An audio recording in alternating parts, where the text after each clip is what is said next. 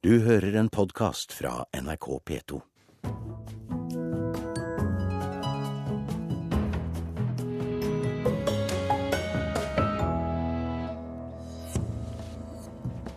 Bladet Vi Menn får kritikk for overskriften 'Jesus var neger'. Respektløst, mener Antirasistisk Senter om bruken av ordet neger. Det er gjort med glimt i øyet, sier redaktøren. En ny russisk lov sørger for bot for banning på russisk TV. Og musikere fra u-land kommer til Norge for å få hjelp til å kreve inn penger for musikken sin. Kulturnytt altså, i Nyhetsmorgen. Antirasistisk Senter reagerer på Vi Menn sitt bruk av ordet neger. I sin påskeutgave trykket bladet en petiartikkel under tittelen 'Jesus var neger'. Rådgiver i Antirasistisk Senter, Thomas Prestø, misliker bruken av ordet. Det handler ikke om hårsårhet og en manglende rundhet i kantene i forhold til at ordet blir brukt. Det handler om at personer som er voksne og oppegående og reflekterte, velger å være respektløse. Det sier rådgiver i Antirasistisk Senter, Thomas Prestø. Han reagerer på bruken av ordet neger i bladet Vi Menns påskeutgave. Eksempel hvis jeg sier til deg jeg ønsker ikke å bli kalt ordet neger, jeg blir gladere hvis du kaller meg karibisk. Flere fra det norsk-afrikanske miljøet i Norge har også reagert på bruken av dette ordet, og kontaktet redaktøren. Da jeg var barn, het alle svarthudede negre, uten at det var negativt. Min barndomshelt, Jesse Owens, var neger. Verdens raskeste mann, Usain Bolt, er en fantastisk flott neger med lynkjappe muskler fordelt på nesten to meter. Men Jesus var nok ikke en slik flott neger. Dette var et utdrag av teksten som har vakt reaksjoner. Redaktør i Vi Menn, Alexander Øystå, forteller hva teksten handler om. Selve kåseriet handler jo om at Jesus var neger og 1,40 høy. Eh, grunnen til at han eh, lå i tre dager, eh, var at han var fyllesyk etter et uh, fylleslag. Redaktør Alexander Øystå leser fra teksten som har skapt reaksjoner. Jeg ser ikke noe galt i at Jesus egentlig var en kort neger. Alle andre var også det på den tiden.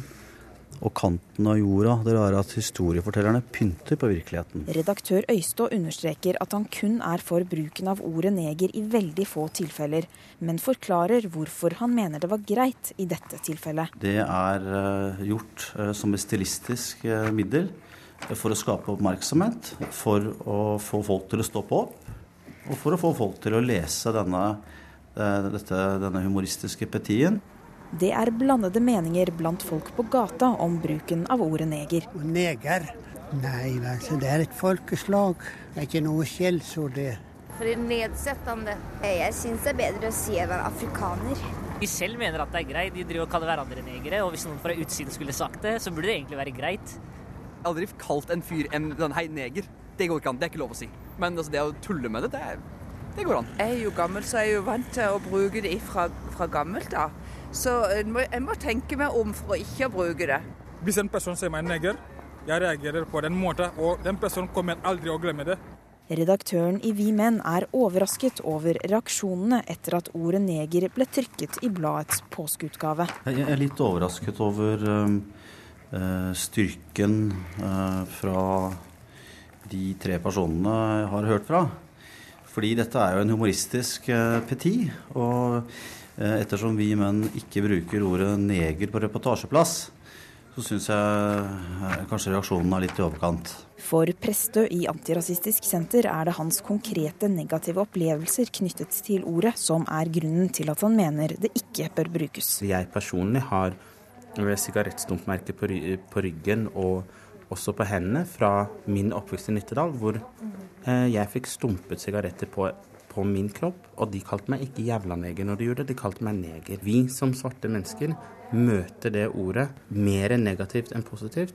Vi har ikke en positiv identitet til det ordet. Vi har gitt verdige alternativer som vi ønsker å bli kalt, og dette er basert på vår erfaring med ordet i Norge. Så mye av det her fortalte Thomas Prestø i Antirasistisk Senter til vår reporter Jelena Kabo.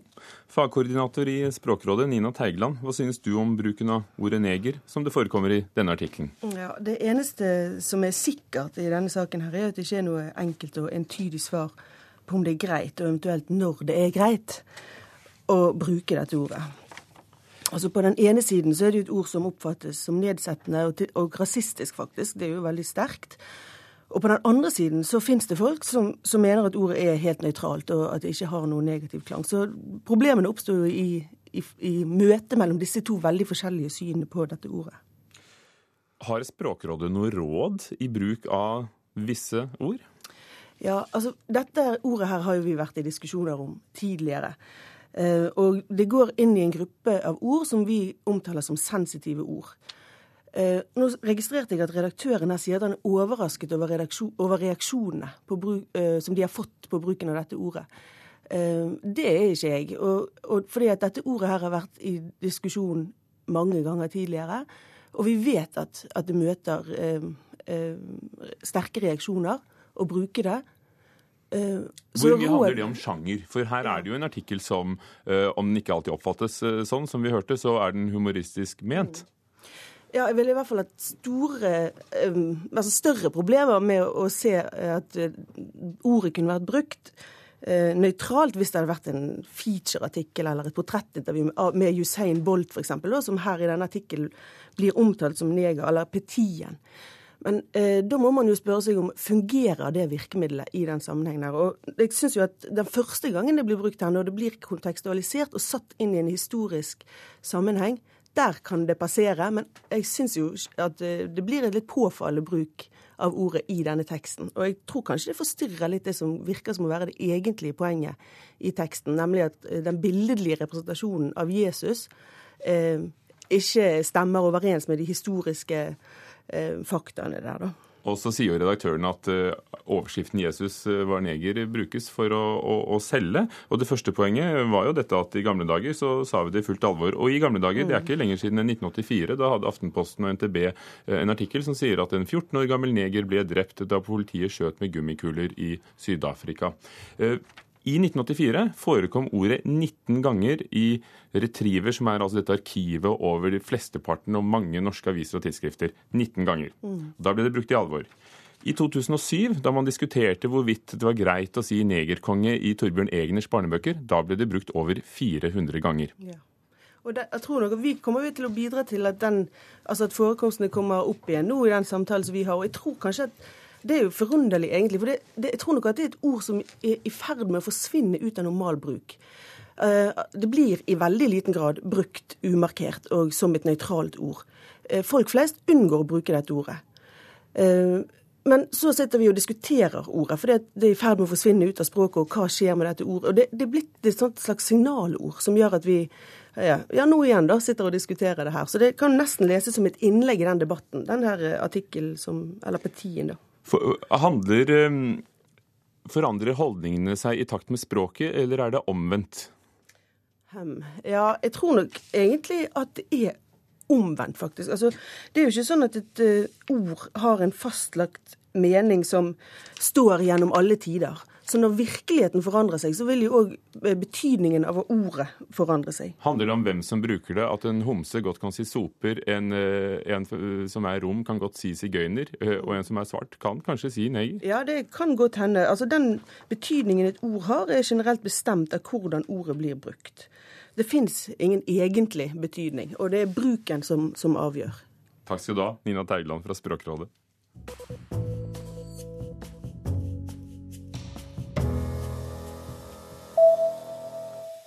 De kommunale kinoenes forening Film og Kino kutter tiltak til filmvisning og formidling for 18 millioner kroner de neste to årene. Det skal komme til å gå utover cinemateker, filmfestivaler eh, og formidling til barn og unge over hele landet. I flere år har avgifter på DVD-utleie og salg finansiert Film og Kinos virksomheter, men nå minsker inntektene, ettersom veldig få bruker DVD. Og dette forklarer styreleder Knut Even Lindsjøen i Film og Kino. Film og kino må kutte i den økonomiske støtten til viktige kulturpolitiske tiltak eh, eh, på en rekke områder framover. Det vil ramme barn og unge, cinematekene, filmfestivalene og bygdekinoen. Vi hadde et budsjett i 2007 på 95 millioner kroner. Vi er nå nede på 60 millioner kroner. Så dette er helt klart meget drastisk. Og Kulturdepartementet sier at de ser på alternativer når det gjelder finansiering av Norsk kino- og filmfond og deres virksomhet. Musikere i andre land skal få hjelp fra Norge til å kreve inn penger for eh, musikkspilling. Denne uken er eh, flere, fra den, fra, flere representanter fra u-land samlet i Oslo for å lære om hvordan artister og låtskrivere skal få den betalingen de har krav på.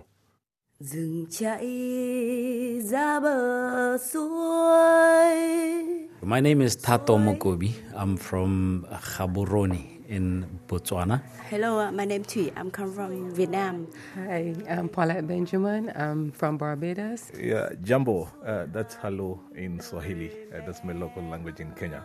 Uh, my name is uh, Maurice Okot. I come from Kenya and very happy to be here in the cold Norway. Musikkrettighetsorganisasjoner fra seks forskjellige land er samlet i Oslo for å lære om digitale musikkmarkeder.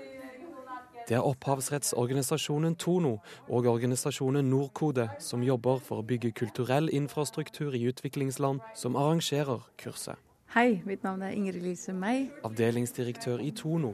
Hei, jeg heter Frode Løvik. Direktør for Nordkode. Eh, Norge er som kjent eh, i forkant på lisensiering av eh, nye medier. Vi har utrolig gode resultater nå altså med Spotify og Vimp og Google og Netflix og alle de tjenester som kommer nå. Så vi prøver å dele vår kunnskap og kompetanse med, med våre søsterselskaper i, i, andre land. Hva er det de trenger hjelp til? Altså, de trenger jo hjelp til å komme videre i det å bygge sin egen organisasjon. Og de kommer fra land som er litt forskjellige. Eh, og de har kommet litt ulikt i, i sin utvikling. Men eh, akkurat på online-området så, så, opplever vi vel at det, det, er stort sett de samme problemene som de står overfor. For vi befinner oss i en verden som for så vidt er blitt global, som vi sier. Og, og da jobber folk med mye av de samme utfordringene, uansett land og bakgrunn. Når store digitale aktører som f.eks. Google banker på døra, skaper det utfordringer for land som ikke har et utviklet nok system for å sørge for at de som lager musikken, faktisk får betalt for avspillinger på nett. My name is Chinedu Angos Chukuji. I'm from Lagos, Nigeria. Have you been to Lagos before? Never. So my biggest expectation coming here this week is to follow up on what we've done, you know, via the mentoring program, especially identifying the different parties in an online transaction with respect to music. And I hope to go back home with the experience, the training, the knowledge, and help improve the society. Hun som synger i bakgrunnen, er vietnamesiske Tui, som representerer musikeres og låtskriveres rettigheter i hennes hjemland. Hun er også sanger. Uh, no, I'm not singer. I'm, I'm, I'm a lawyer. Å oh, ja. OK. Men And I can sing, yes. Do you think maybe we can, I, we can listen to some of your singing? Yeah. những lời xuôi mãi vang lời tình yêu. Thank you. So nice. Yeah, thank, thank you. you. I'm so nervous. A No, little nervous. beautifully. Yeah. Yeah, that was really. What, what's what's beautiful in Vietnamese? Đẹp. Đẹp. Đẹp. Yes, đẹp. That was very đẹp. Oh, thank you. Yes, thank you. Og da fikk vi ordet 'vakkert' på vietnamesisk takket være reporter Eivind Våge. Klokken nærmer seg ti på halv ni. Overskriftene i Nyhetsmorgen. Sør-Korea har oppjustert trusselnivået som følge av den spente situasjonen på Koreahalvøya. Landet frykter at et angrep fra Nord-Korea er nær forestående. Forbrukerrådet vil forby et kjemisk stoff i matemballasje, som de frykter kan gjøre menn mindre fruktbare. Og polsk krim er sjelden vare på norsk. Krimkritiker Leif Ekle har lest en som er god, og forteller om det senere her i Kulturnytt. En ny lov som ble vedtatt i Russland denne uken, gir muligheten for å bøtelegge banning i russiske medier, spesielt trykte. Mediehus risikerer nå opptil 35 000 norske kroner i bot dersom språkbruken blir for voldsom. Mediene er imidlertid forvirret fordi loven ikke presiserer hvilke ord som regnes som upassende. Og korrespondent Hans-Wilhelm Steinfeld, er det mye banning i, i russiske medier? Ikke i de skriftlige, men det er veldig mye på TV. Eh, det vil gjelde den største TV-kanalen og Stankena og programmet La dem bare snakke, som kalles for Trash-TV eller Søppel-TV. Og det gjelder den nasjonale kringkasteren Resia og sendingen som heter På direkten, som er av samme sjanger. Så har vi TV 2 på russisk NTV. De sender krimserier fra klokken halv åtte om kvelden til klokken kvart over elleve om kvelden. Eh, og det er stort sett sånn to ganger to krimserier, lange episoder, og det piper hvert femte minutt hver gang russere drikker vodka, og det er dette loven ønsker å komme til livs. Så de tar det bort med piping, men vil loven omfatte både TV, radio og aviser? Ja, og til og med innlegg i Dumaen. Eh, og eh, dette er jo noe nytt, fordi banning i dette tradisjonelt puritanske samfunnet har kommet inn i det offentlige rom i løpet av de siste 20 år med forbrukssamfunn, medieeksplosjon, mens i sovjettiden så var det veldig, veldig strengt, og dette har skledd ut. Hvilken tradisjon er det for nettopp å forhindre da, disse kraftglosene? Ja, vi er jo alle gode hyklere. Russerne skylder på tatarene at de lærte dem for 500-600 år siden å banne. Akkurat som ungarerne skylder på tyrkerne. Men det er klart at den russiske bonde han kunne sine kraftuttrykk, men han brukte dem aldri i nærvær av kvinner. Og det gjør man heller ikke på russisk i dag hvis man vil bli oppfattet som riktig vel bevart. Hva er det groveste man kan si? Ja, Det er en interessant uttrykksmåte. Det heter jobtfajomat. Jeg har ligget med din mor. Opprinnelig var det en måte å be om nåde på for kosakkene under dueller. De var tsarens grensevern, menn falt som fluer. Og det var ikke uvanlig at en kvinne i løpet av sitt liv hadde hatt mer enn én mann. Så hvis en eldre kosakk kom i duell med en yngre, og den yngre er jo gjerne sterkere, og det var dueller på liv og død Hvis den eldre da sa 'jeg har ligget med din mor', så la man ned sverdet, fordi man kunne da altså risikere å drepe sin biologiske far, og det var en objektiv dødssynd. I dag er det så grovt å si dette at man i stedet sier pannekake, som er kode for jobtfajomat, eller 'jeg har ligget med din mor', og man behøver så å si bare lage en liten j-lyd, så skjønner alle hva man mener. Men det er så grovt at man kan komme i slåsskamp hvis man sier det til et menneske. Så når vår anstendige korrespondent er ute på gaten og selv skulle bli forbannet, så, så banner man ikke på russisk, selv ikke du?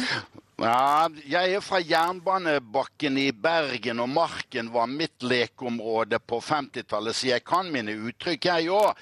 Men eh, dette skal de altså rykke opp med roten. Og 8. april, for to dager siden, så skrev kulturuketidsskriftet Ny Tid begravelse for russisk bannskap. Og det er den kjente publisisten Viktor Sjenderovitsj som egentlig kritiserer den nye loven, og han bruker et kjønnsrelatert verb når han sier at Duma-medlemmene har rotet seg bort i denne saken, for dette har med kulturbygging å gjøre, og ikke straffebud. Og loven skaper jo problemer, som du var inne på i studioinnledningen din, fordi man er for generell. Og denne Dumaen vedtar jo 400 lover i året. Det er umulig å overholde alle sammen. Og det er jo en grunnregel i all juss ikke vedta lover du ikke kan håndheve. Dette er ord som selvfølgelig kan ryddes vekk fra fjernsyn. Det kan forbys i Dumaen, men mann og mann imellom så kommer ruski mat, eller russisk bannskap, til å holde seg ved lag. Hans-Wilhelm Steinfeld, takk på morgenkvisten.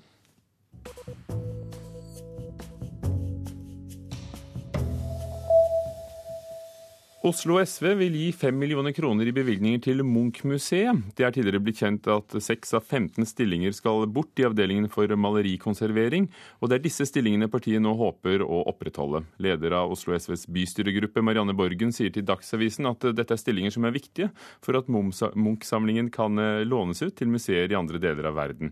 Og forslaget skal legges frem i neste uke. Buktafestivalen i Tromsø har fortsatt ikke fått besatt sin sjefsstilling. Fristen for å søke gikk ut i februar, men ingen av søkerne hadde den riktige kompetansen, mente festivalen. Robert Dyrnes fortsetter som sjef i år, og styreleder André Løvik sier at de skal forsøke nye veier for å finne den rette festivalsjefen, men stillingen vil ikke bli lyst ut på nytt. Og Metropolitan-museet i New York får en stor kunstgave. Leonard Lauder, som arvet kosmetikkfirmaet Estée Lauder, gir sin samling med kubistisk kunst til museet. Den inneholder 78 malerier, tegninger og skulpturer av kunstnere som Picasso, Braque, Gris og Fernand Léger, og blir regnet som en av de flotteste i verden. Så er den også verdt rundt 6 milliarder kroner. Og samlingen til Lauder vil bli å se i New York fra høsten 2014.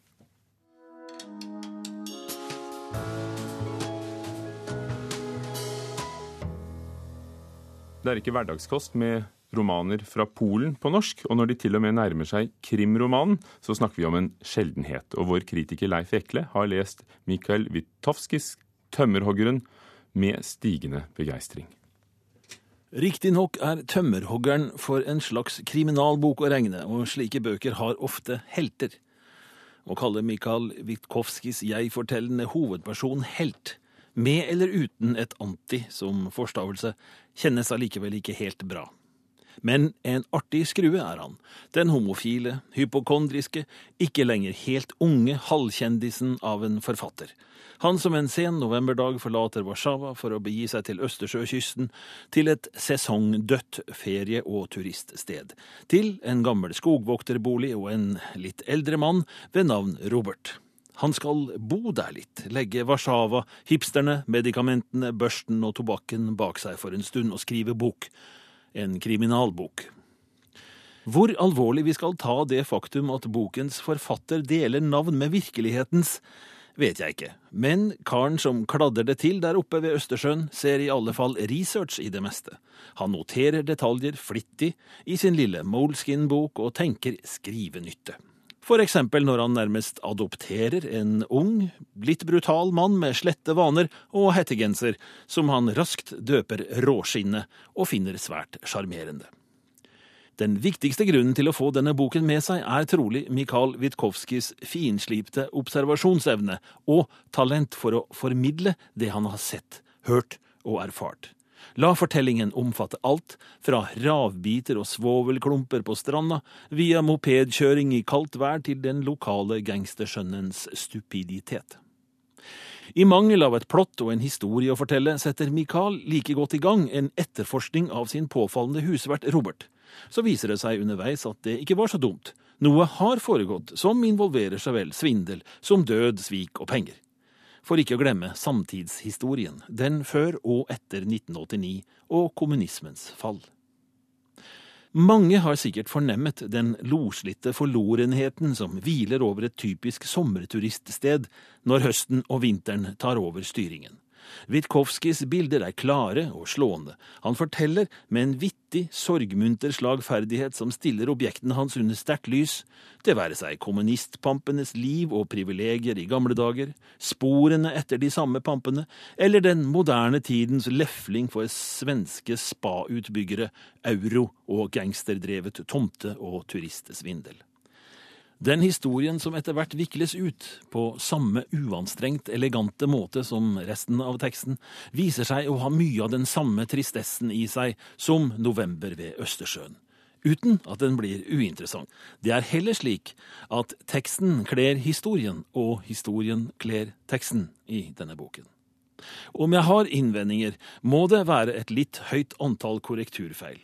Oversetter Agnes Banaks språk passer ellers boken som hånd i hanske og er lystig lesning. Jeg klarer imidlertid ikke helt å avgjøre om jeg synes slutten holder bokens kvalitet for øvrig, eller om den bare henger der som en løs og gjenglemt tråd. Sa Leif Ekle om Mikael Witkowskis 'Tømmerhoggeren'. I Kulturnytt har vi hørt at bladet Vi Menn får kritikk for overskriften og innlegget 'Jesus var neger'. Respektløst, mener Antirasistisk Senter om bruken av ordet. Det er gjort med glimt i øyet, svarer redaktøren. Hanne Lunås var teknisk ansvarlig, Vidar Sem produsent, Ugo Fermariello programleder. Dette er Nyhetsmorgen. Først to ord om hva som skjer senere i formiddag.